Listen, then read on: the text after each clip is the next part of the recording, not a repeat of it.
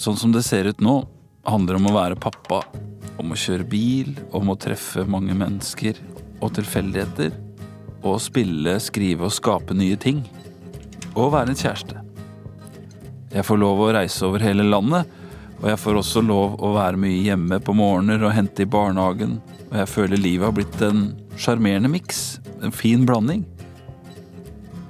Innerst i fjorder, ytterst mot havet, innerst i skauen, øverst på toppene og nederst i dalene. Biff og makrell i tomat. Jeg får møte så mange nye, fine mennesker, og ofte er ting helt tilfeldig. Og jeg skal treffe enda flere folk i sommer, og bade med ungene og spise lange frokoster med fruen og en god miks. Og soundtracket skal også få være en god miks. Jeg satser på at jeg oppdager noe helt nytt i sommer. Og så satser jeg hardt på at jeg oppdager noe skikkelig gammelt. Helt på nytt også. Og du, det er så stas om du blir med inn i sommertankene mine en times tid nå. Velkommen inn i min miks. The Mississippi Delta was shining like a national guitar. I am following the river down the highway through the cradle of the Civil War. Graceland, Graceland, Memphis, Tennessee. I'm going to Graceland. Poor boys and pilgrims with families, and we are going to Graceland. And my traveling companion is nine years old. He's the child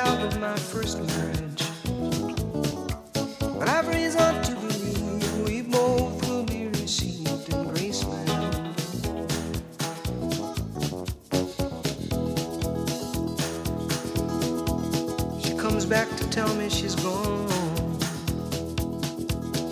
As if I didn't know that, as if I didn't know my own bed. As if I'd never noticed the way she brushed her hair from her forehead. And she said, Losing love is like a window in your heart. Everybody sees you're blown Everybody sees the wind blow. I'm going to Graceland. Memphis, Tennessee, I'm going to Graceland.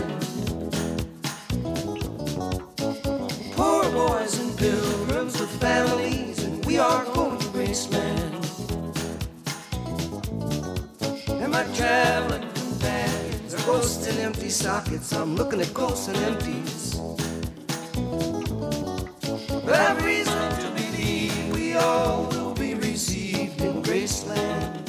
Jeg heter Trygve Skau, og du hører på Sommer i P2. Først må jeg fortelle om den dagen da favorittsykkelen min døde. Alle mine somre som guttunge var hovedsakelig på sykkel, og jeg hadde bollesveis. 11-12 år. Jeg hadde en av bygdas mest særpregede sykler, en hjemmelaga trehjuling. Og den var ikke som andre trehjulinger, for det fantes bare én av den i hele verden. Det var en gammel diamant damesykkel hvor det var sveisa på to krummede stenger fra foran på ramma på høyre side og ned til en plate hvor det tredje hjulet var festa på. Fra plata var det sveisa to stag inn til sykkelramma bak, og det var rett og slett en gammel, elegant damesykkel med en stilig og enkel sidevogn. På platen ved ekstrahjulet var det akkurat plass til en bruskasse. Der hadde jeg den store kassettspilleren min, ofte litt proviant, noen markblomster og kanskje et norsk flagg. I kassettspilleren sto en kassett med opptak jeg sjøl hadde gjort av låter på radio, sånne opptak som ofte mangla intro og kanskje det første minuttet. Jeg hørte på høyt når jeg tråkka rundt på det eneste giret mitt. Eric Clapton, Dire Straits, Bob Dylan, Manfred Mann, Sting, Lillebjørn Nilsen og flere.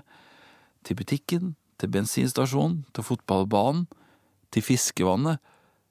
Som oftest besto dagene i å speide etter Veronica, hun i klassen min med det brune håret som jeg ikke turte å snakke med. Og som oftest var hun på ferie hos den kule fetteren sin på Sørlandet. Heldige fetter. Heldige Sørlandet. Vi snakker Indre Østfold her, tett på svenskegrensa, i ei lita bygd som ligger midt mellom det meste, hvor soldagene aldri kom aleine, og hvor det var langt færre motbakker enn nedoverbakker. Lyst og enkelt, tilsynelatende. Men vi har én skikkelig nedoverbakke. Asfaltert på toppen, og med støvete smågrus i bunnen. Den var stupbratt, og den virka alltid fryktelig endeløs når man skulle opp igjen. Bakken hadde formen til unnarennet på en stor hoppbakke. Den førte ned til Sandstangen, et badested med sesongåpen kiosk og ofte mange gjester fra bygdene rundt. Det var så juli som juli blir, og jeg hadde olashorts og ingen sokker i skoa. Jeg var lengre enn de fleste, særlig beina, og en del fregner. Det sto biler parkert oppover langs den lange bakken på begge sider på de dagene det var ekstra mye folk. En dag så jeg den røde bilen til faren til Veronica. De var altså der nede et eller annet sted. Og kanskje de skulle være der en stund. Kanskje hun ikke hadde så mange å være med siden den to år eldre fetteren hennes med den kule sveisen kanskje hadde kjørt tilbake til Sørlandet. Kanskje hun skulle kjøpe seg en is etter hvert, kanskje hun mangla noen kroner på en gigant. Kanskje jeg tilfeldigvis skulle komme bort til kiosken akkurat da og si mangler du noen kroner på en gigant, her kan du få av meg. Så ville hun si tusen takk, og så ville hun kanskje si vil du sitte med oss? Og så kunne jeg kanskje si ok, det kan jeg godt, og så skal jeg bare ta med kassettspilleren. Så kunne hun si ja, vil du sitte på en tur? Hun kunne kanskje spørre har du No Doubt, og jeg kunne si selvfølgelig, har du Lemon Tree? Og jeg kunne si selvfølgelig, og så kunne vi sitte ved vannet kanskje en time eller kanskje mer mens folk bada og jeg hadde flere kroner til is og ja. Jeg brukte ikke så mange lommepenger, egentlig, det er godt å ha til en regnværsdag. Nå var det bare det å komme seg helskinna ned. Det som er tøft med å bare ha ettgira damesykkel, er at du kan trå i gang med en kraftig akselerasjon ved å stå og så legge et voldsomt trykk på de første pedalrundene, fort oppe i høy hastighet. Det som er dumt med å bare ha ettgira damesykkel, er at det er så utrolig vanskelig å få bremsa ordentlig effektivt opp når man først har høy hastighet. Hjulet låser seg, og du sklir, og du mister kontrollen. Pedalene går rundt og rundt og følger hjulet på sånne damesykler, og da er det kjørt. Du får ikke tråkka baklengs. Det er en vanskelig manøver. De påsveisede stagene til sidevognen gjør det omtrent dødelig å sette beina i bakken for å bremse. Stål mot lange, bleike bein, og jeg la alltid sjela mi i det å få en stilig sladd på bunnen av bakken, der grusen og sanden var som tørrest, det gjør et flott inntrykk, og da kan ikke farten være for lav. Jeg husker mye av forløpet, jeg husker farten økte over kuren, jeg husker jeg så Veronica gå mot den røde kiosken langt der nede, jeg husker jeg tenkte over at jeg hadde glemt å spole fram til Beatles og Come Together. Den er mye tøffere å sladde til enn Gary Moore og Still Got The Blues. Make an Entrance, jeg husker jeg bøyde meg ned for å spole. Jeg husker at jeg idet jeg retta ryggen opp igjen, merka at det allerede gikk for fort. Here come all flat up. Jeg husker at jeg tenkte at nå er det for seint å tråkke på bremsen. Jeg husker Veronica fikk øye på meg halvveis oppe i bakken, at hun fikk et blikk som var en blanding av overraskelse og skrekk. Jeg husker kiosken ble større og større, grooving up slowly, jeg husker jeg sikta på krattet kratte bak kiosken, jeg husker Lennon sang Got to be a joker, you just do as you please. Og så ble det helt stille.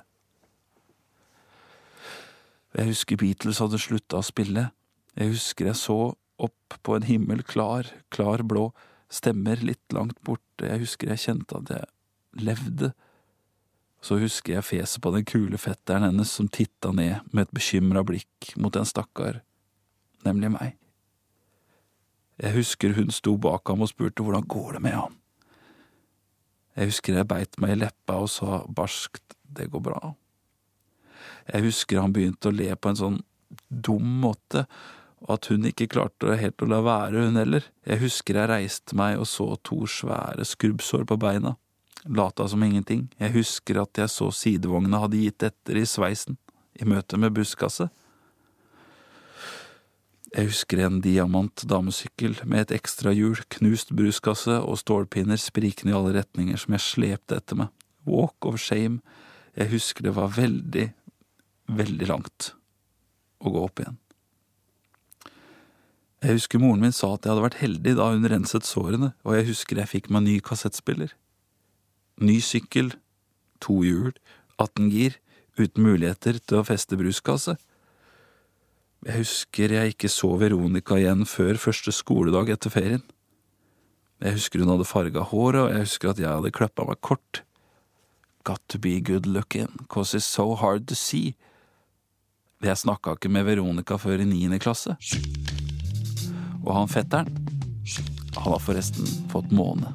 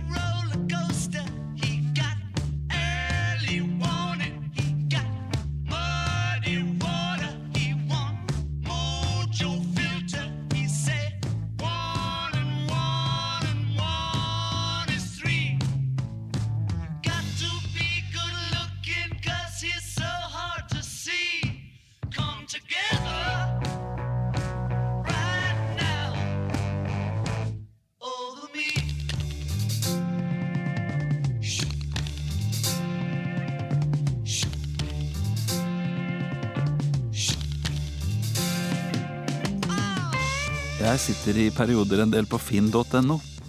Det beste i livet er kanskje ikke alltid helt gratis, men det trenger ikke være så dyrt heller. Og det er ofte helt tilfeldig. Vi var bestevenner, bassisten og jeg. Vi hadde lært oss å spille alle de akkordene vi kunne, sammen. Spilt feil og øvd sammen, og spilt dem riktig til slutt.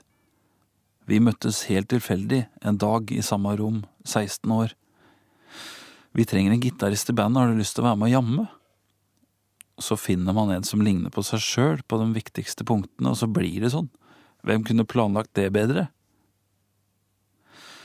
Det var august på sitt mest augustete, og vi hadde blitt 19 og vi spilte på en sommerfestival, og vi var omtrent de tøffeste i hele verden.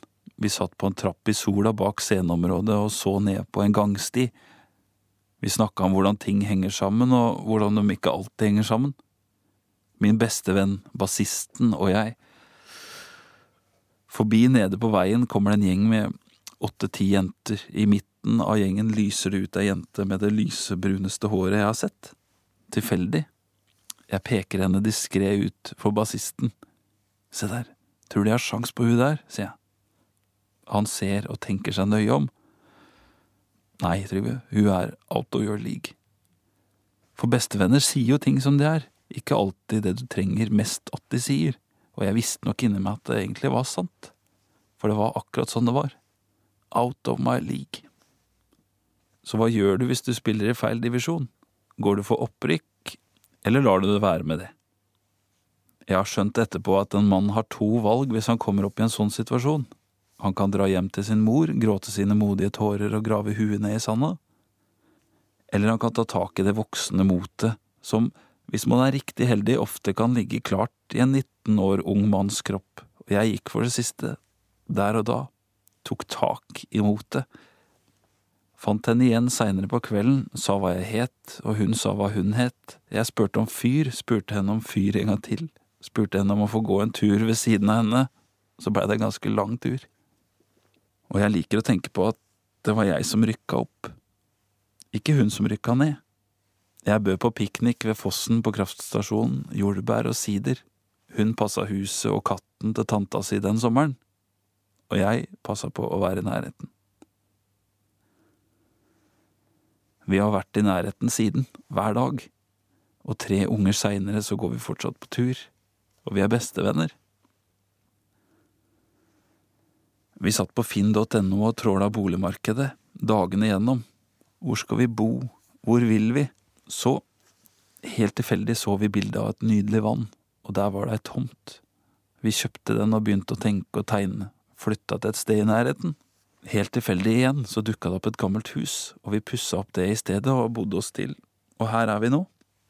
Tomta som lokka oss hit, solgte vi etter hvert til noen andre, og så føles det ut som vi er der vi skal være.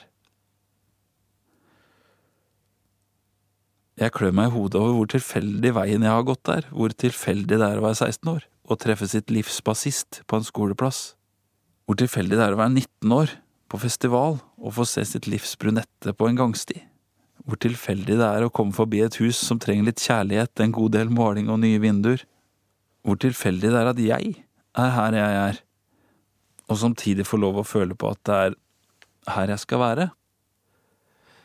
Jeg vet ikke hvem som sa at det eneste som er sikkert, er at ingenting er sikkert, men det er bra tenkt og sagt eller skrevet. Ting blir jo aldri helt som man har tenkt eller sagt eller skrevet, og veier blir aldri så rette eller så svingete som man ser for seg at de skal bli. Heldigvis og uheldigvis, alt ettersom. Dagene glir i hverandre, og den eneste klokka jeg har innimellom, er den når jeg ser på ungene mine, ser at de har blitt lengre og smartere, og at penbuksa har blitt for kort på beina, og at det plutselig står norsk for fjerde klasse på boka til guttungen jeg nettopp fulgte til den første uka i barnehagen. Jeg tenker jeg skal ringe bassisten en dag i sommer. Hvordan går det? Har du tid til en kaffe? Og jeg tenker jeg skal be med hun jeg er gift med, som fortsatt har det bruneste håret, på en date ved Solbergfoss i sommer. Hvor er piknikteppet nå igjen? Har du lyst på jordbær? Jeg tenker jeg skal være litt mer på finn.no i sommer. Har du sett den her, eller? Fin, ikke sant? Jeg tenker jeg skal be med guttungen på kino i sommer og se en barnefilm før han plutselig er rødruss eller blåruss, sånn helt tilfeldig. Jeg ga henne en lovnad. Når jeg setter på denne sangen i CD-spilleren neste gang, da kommer jeg til å fri til det. Og det gjorde jeg bare noen måneder etterpå. Ingen tid å miste, ingen tilfeldigheter å gå glipp av. Bob Dylan, Make You Feel My Love, fordi You ain't seen nothing like me yet. Hvis sommerforelskelser var avhengig av været, så hadde ikke vi sittet her nå.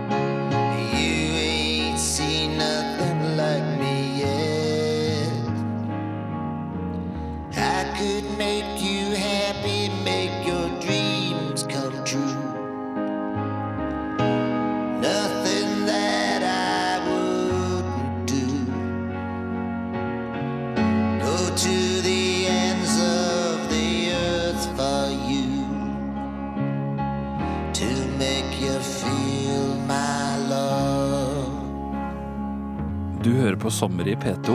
Jeg heter Trygve Skau. Velkommen i min miks. God only knows what I'd be without you. Bandet vårt var i Frognerparken på Norwegian Wood. Vi spilte tidlig på dagen på den lille scenen, og jeg husker det føltes ordentlig som om det var den første dagen i resten av vårt liv. Det er sånn her det er. Sånn vi vil det skal være. Ordentlig festival. Jeg svimer rundt backstage og vet at et sted i nærheten her, akkurat nå, er en av mine største helter, Brian Wilson og hele hans entourage. Noen sier de har kommet, de er altså innenfor gjerdet på det lukkede området. Lille meg, backstage med Brian. Jeg tenker vel egentlig ikke på å forsøke å komme nærmere han heller, for jeg er absolutt nærme nok. Brian Wilson og jeg, innafor samme gjerde. Nok i massevis. Jeg gikk ut for å få en fin plass, og en av de beste vennene jeg hadde, og fortsatt har, var der, og vi sto sammen. Folk stimla sammen på plenen, og klokka nærma seg showtime. Da sier han det, helt rett frem, sånn som man sier ting man ikke har øvd seg nok på å si. Du, hun er gravid. Altså, jeg skal bli pappa. Det er fortsatt tidlig, så du må ikke spre det her. Det er bare så sjukt. Det blir vel desember, gjør det ikke det? Og vi klemte, og jeg så på han at han var både lykkelig og skrekkslagen på en gang. Sånne ting blir liksom ikke ekte før man har fortalt det til noen for første gang. Hun var gravid, og han var livredd. Så kommer bandet på, vi ser på hverandre og smiler, og vi lar det bare henge. Brian Wilson setter seg ned ved piano. Sammen med et svært band med kordamer og kormenn dunker de gjennom sikkert 20 superhiter etter hverandre på 80 minutter, og jeg oppdager at jeg kan alle utenat. Og det kan kameraten min òg. Introen på God Only Knows står ut som en fanfare til livet da den kommer som siste låt, og vi ser på hverandre og begge blir blaute i øya. You never need to doubt it. I make you so sure about it. God only knows what I'd be without you. Vi feira skikkelig den kvelden, alt sammen. Vi gikk sammen på hjemveien, og han rakna litt, han fikk høy puls, og sjøl om jeg da ikke visste hvordan det føltes, forsøkte jeg så godt jeg kunne å roe han ned. Du, det går bra, du har det som skal til, det her fikser du. Og så er det helt snodig at det er akkurat det som skjer. Noen setter på nedtellingsknappen. Ni måneder. Vær så god. Prosjekt Transformasjon ansvarlig pappa. Og så blei han det. Og de fikk en til seinere, til og med. Og de er fortsatt sammen. Alle sammen. Jeg skjønte ikke da hva han mente, men jeg har forstått det så inderlig godt seinere. Tre ganger har jeg fått beskjeden Du skal bli pappa. Av alle skumle ting så er det det vakreste, og av alle vakre ting så er det det skumleste. Det er jo ikke skummelt at det blir født et nytt menneske, sånn i utgangspunktet, for det har jo verden drevet med all tid. Det som er så skummelt, er at det er jeg som er pappaen. Alt jeg har lært om arv og genetikk, forteller meg at om det så bare er en knøttliten prosent, så er det allikevel en del av den ungens genetikk som er meg og mine greier, og der er det mange skjær i sjøen.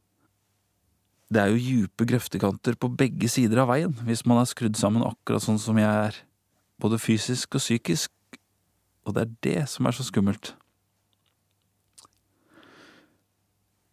Vi har laga mye sammen opp igjennom, kona og jeg. Vi har pussa opp hus og laga familieselskaper og alt mulig. Og det blir ofte veldig bra, men det blir aldri helt perfekt. I hvert fall ikke min del av bidraget. Som regel er det et eller annet som ikke går helt som planlagt, og da hjelper det liksom ikke at kona er så utrolig bra som hun er, for det er fortsatt en liten del av det som er meg. Men så kommer ungen ut, og så er den helt perfekt. Det er noe av det rareste jeg vet. For hver bidige unge som blir født, er jo perfekt, samme hvem som er mammaen eller pappaen, og det er sprøtt. Særlig når jeg tenker på alle de rare folka jeg kjenner. Man føler seg veldig heldig. Nå veit jeg hvordan det er å stå sånn på plenen og si det for første gang. Nå veit jeg hvordan det er å merke at det plutselig blir ekte. Nå veit jeg hvordan det er å rakne og ikke tru at jeg har det som skal til. Men jeg er jo på ingen måte håpløs, for du har jo litt håp, og jeg har jo deg. God only knows what I'd be without you. Så kjære, kjære deg, la Brian Wilson få telle opp, hør på fanfaren til det vi har, vi to, for tenk at jeg har deg, tenk at du lar meg ha deg. God only knows what I'd be without you. I may not always love you, but long as there are stars above you, you never need to doubt it. I'll make you so sure about it. God only knows what I'd be without you. If you should ever leave me, well, life would still go on, believe me. The world could show nothing to me. So what good would knows what I'd be without you.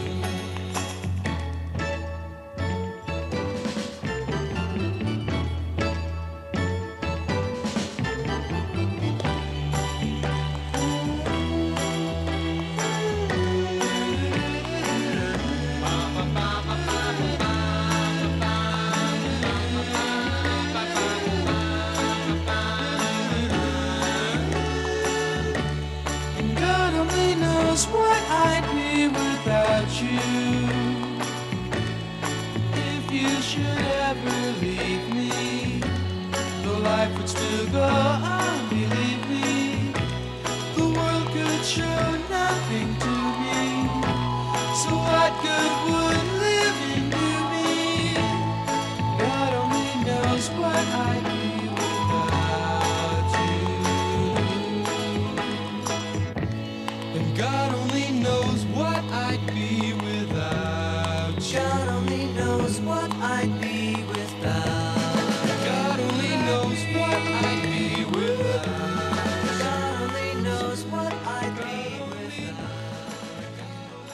Husker du sa vi har hverandre, og det er alt vi trenger. Så viste det seg at vi trengte en hel del andre greier. Alle turene til Ikea, alle bøkene vi leste, alle platene vi hørte, alle barna vi fikk. Det kommer godt med nå.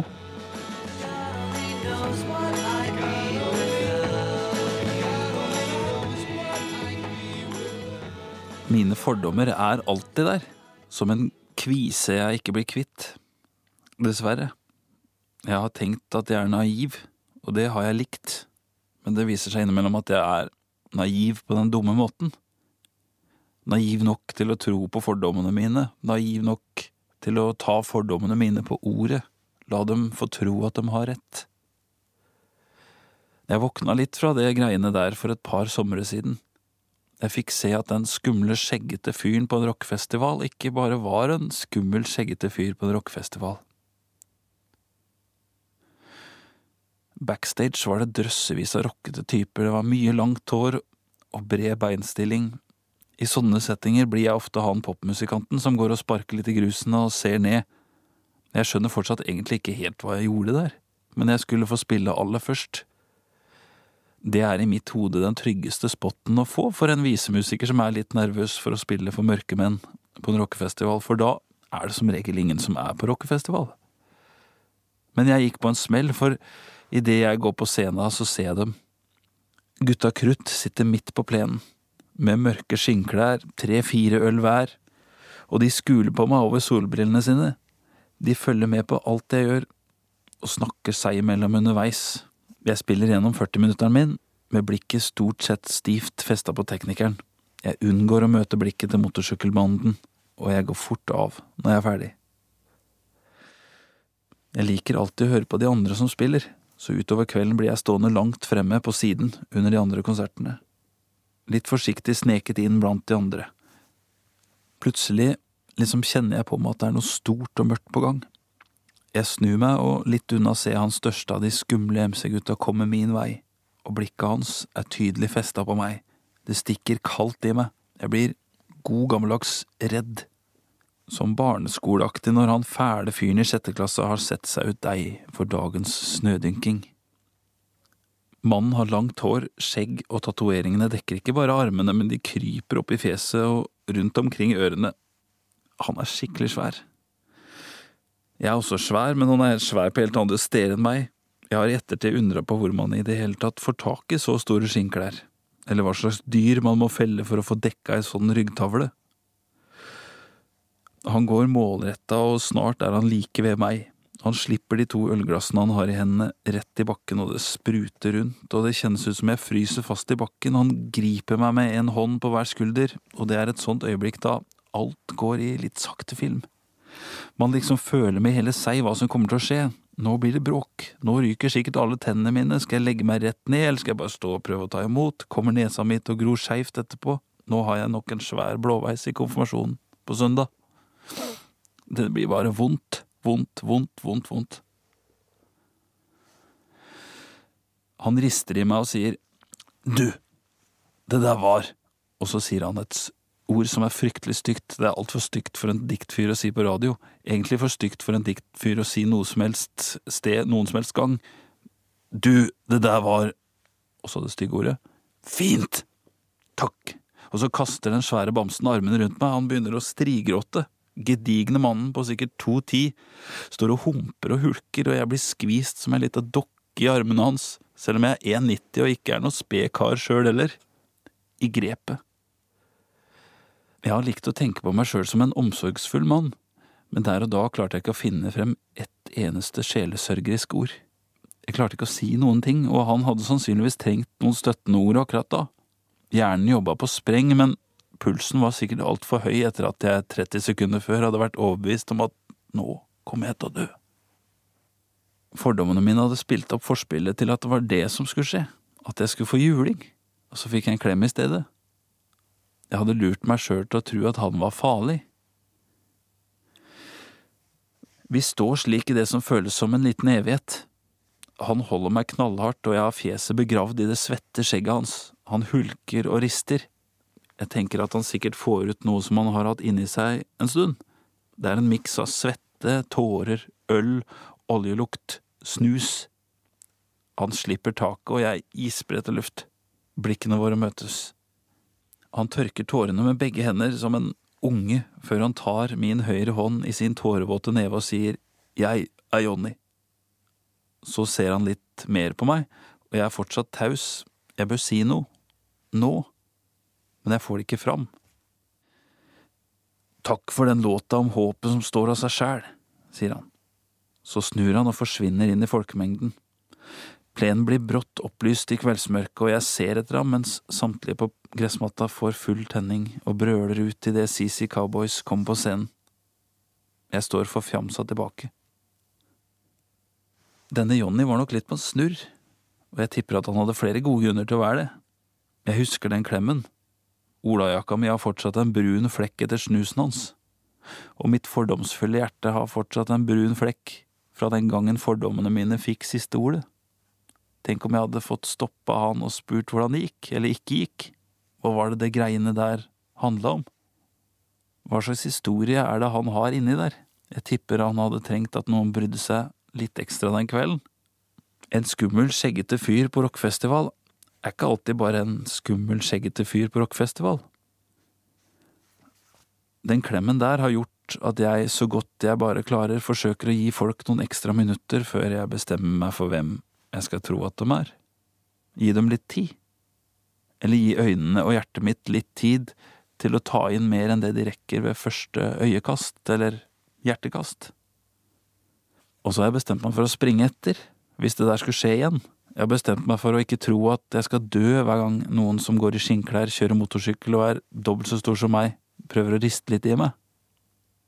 Jeg har vel ikke tenkt på det før, at det er vel så naivt å høre på fordommene mine som det er ikke å ha fordommer i det hele tatt. Jeg vet ingenting om din kamp, men jeg har rykka ned et par ganger sjøl. Jeg har stått på 16-meteren når det er to minutter igjen. Du vet, når man ser opprykket rett i øynene, og opprykket svarer med stang ut. Da er det ikke bare et spill. Jeg vet det. Da er ikke tilskuere bare tilskuere.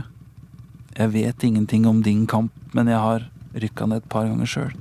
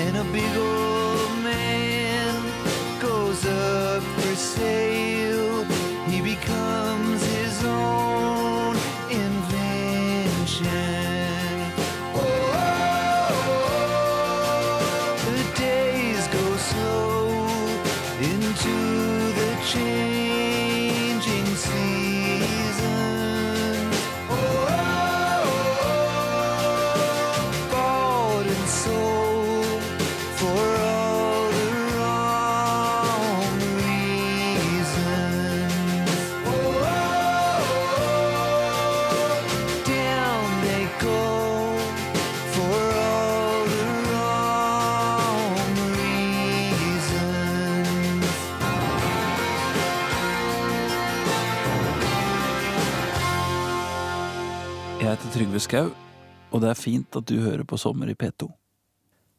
Jeg bruker mye tid på å oversette eller omsette sanger jeg er glad i, til mitt eget språk. Det er ikke bare språk, men det hele pakka. Det handler som regel om engelske eller amerikanske låter som jeg har behov for å sette inn i min egen kontekst og min hverdag, mitt hverdagsspråk, for å forstå det bedre. Noe av det viser jeg frem eller bruker på konsert, men det aller meste oversetter jeg for min egen del og holder for meg sjøl. Tenk om jeg var like ivrig på å oversette alt mulig annet. Hvis noen snakker til meg på et språk jeg ikke kan, vil jeg strekke meg langt for å få fram meningen i det som blir sagt. Oversettelse. I fjor sommer fikk jeg en idé om at det kanskje var det det handlet om. Jeg hadde spilt på en liten og vakker festival på en liten øy på Vestlandet kvelden før, og frokosten var hjemme hos de som skulle skysse meg til min egen bil som sto igjen på fergeleiet. Jeg møter to smilende gamle mennesker som rigger frokostbordet i et imponerende tempo med et elegant samspill. Jeg ser bildet av de to sammen på veggen.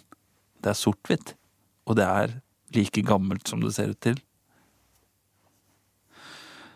Dere har vært gift lenge, spør jeg og peker da vi har satt oss. Ja, det har blitt 47 år, sier hun. Det er veldig imponerende, sier jeg. Ja, men det har jo gått fint, sier han. Han legger sin hånd i hennes som ligger på bordet, de trykker dem sammen og ser på hverandre med et varmt blikk. Det er hemmelige tegn og et mystisk og vakkert språk som de har mellom seg, som jeg ikke forstår helt. Ja, det har jo gått veldig fint, svarer hun og smiler lurt til han. Han ser på henne, så på meg, smilende. Jeg kan ikke deres språk, men én ting skjønner jeg godt, det lyser lykke og stolthet av dem begge to. Litt som at rommet fylles av noe som gjør at det ikke er noe vits med flere ord. Det er ikke noe vits å spørre noe mer om det heller. Jeg føler jeg får se et lite glimt av noe jeg selv vil ha om 36 år. Vi skravler og spiser en av de fem lengste frokostene den sommeren. Jeg setter meg i min egen bil etter at deres bil er ute av syne. Jeg kjører inn på ferga, skrur på tenninga lar radioen gå. Idet vi legger fra, kommer Ellie Golding og Love Me Like You Do, og jeg tenker, det er nok det det handler om. Elsk meg som du gjør. Kanskje det er trikset til de der to gamle. Hva om jeg tar et skritt tilbake og ser ordentlig etter hva det er hun der hjemme prøver å si? Med det hun gjør og alt hun er? Se etter hva hun forsøker å si til meg, istedenfor å fokusere på det hun bommer på. Der og da kjennes det ut som jeg skjønner noe viktig. Du vet den følelsen du får når det går opp et lys for deg. For selv om hun ikke alltid skjønner meg, så prøver hun sikkert så godt hun kan. Og jeg går i gang med å oversette sangen på ferga, der og da, og sangen følger meg fortsatt. Kanskje alt handler om oversettelse? Hva om jeg sier noe til deg, og du ikke forstår det? Hvis jeg sier noe utrolig vakkert til deg på et språk du ikke forstår, da er det bare lydene jeg lager, du hører. Og har jeg en skarp dialekt, så høres det skarpt ut. Har jeg en myk dialekt, så blir det mykt. Men hva hjelper det at det er mykt når du ikke forstår hva jeg sier? Vi har endt opp med å snakke mye om det, hun der hjemme og jeg, for det er ingen lek det der å vise kjærlighet og leve sammen-greiene. Det er alvor hvilken dag som helst. Vi fikk et veldig godt råd fra ei som jobber med å holde folk som oss sammen. Det var å lage en bruksanvisning på oss sjøl, for man har jo bruksanvisning på alt annet. Jeg lagde en på meg, og hun lagde en på seg, og så ga vi den til hverandre. Vi fikk begge en del aha-opplevelser, ting vi gjorde mot hverandre i beste mening, som ble tolket på helt feil og nesten motsatt måte, fordi det var sagt med mitt språk til en som snakker et helt annet.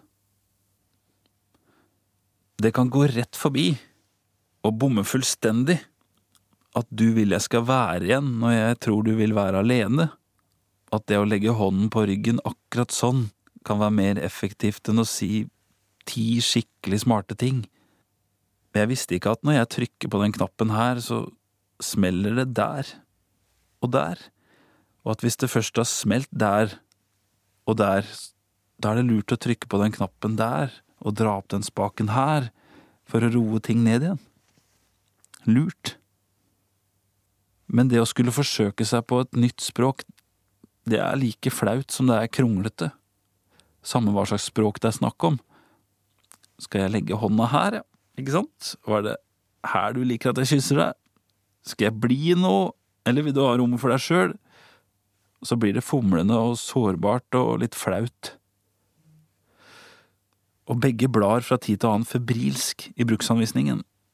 Men det er noe av det fineste å se på når noen virkelig forsøker å forstå deg og snakke språket ditt, og gjør seg forstått. Da prøver man i beste mening å forstå hva som blir forsøkt uttrykt, samme hvor gebrokkent og elendig det høres ut. Han prøver, hun prøver, og du samtidig prøver å forstå og snakke tilbake, og famler i blinde sjøl. Så rent oversatt, hva er det jeg prøver å si nå, egentlig? Love me like you do. Elsk meg sånn som du gjør. Hold me like you do. Hold meg sånn som du gjør. Bare hold meg akkurat sånn som du gjør. Hva er det du venter på? What are you waiting for? Ellie Golding sang seg ferdig. Ferga la til kai, og jeg reiste hjem fra festival og gikk i gang med å oversette hennes forsøk på å elske meg. Og så vidt jeg kan huske, så følte jeg meg elska resten av den sommeren.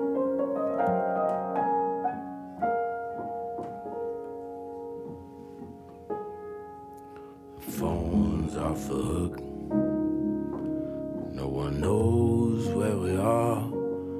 It's a long time since I drank champagne. The ocean's blue, as blue as your eyes. I'm gonna take it with me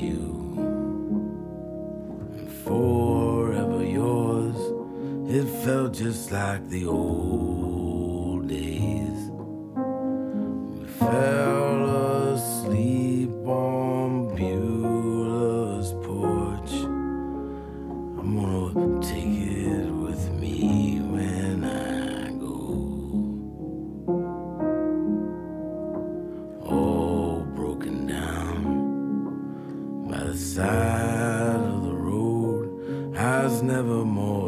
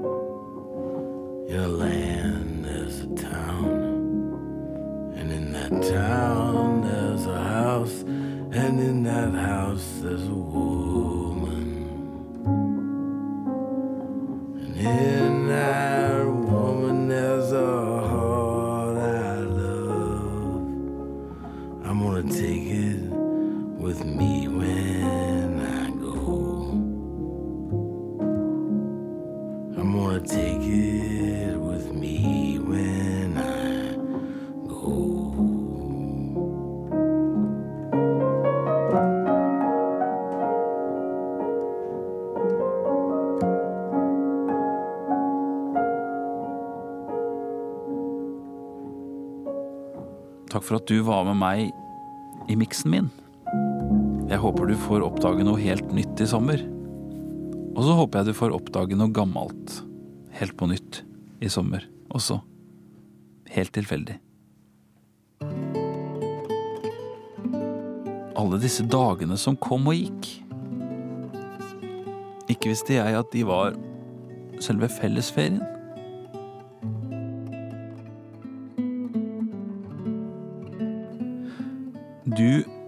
Sola midt imot, og det skal mye sommer til før jeg tenker at det blir for mye. Så kom an. Blend, blend, blend, blend. Englene har åkt på pisk Gårdarna i grönsvarta Og i azalea kan man ikke unngå å bli kär En som svär att allt du gör är gott mm, Ja, jag är din om du vill ha en idiot Lägg din hand i min Mm, Lägg din hand i min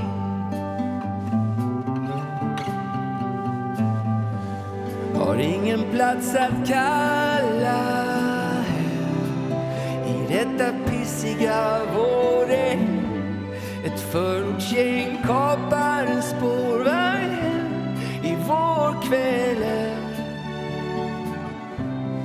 Provsmakar livets heroin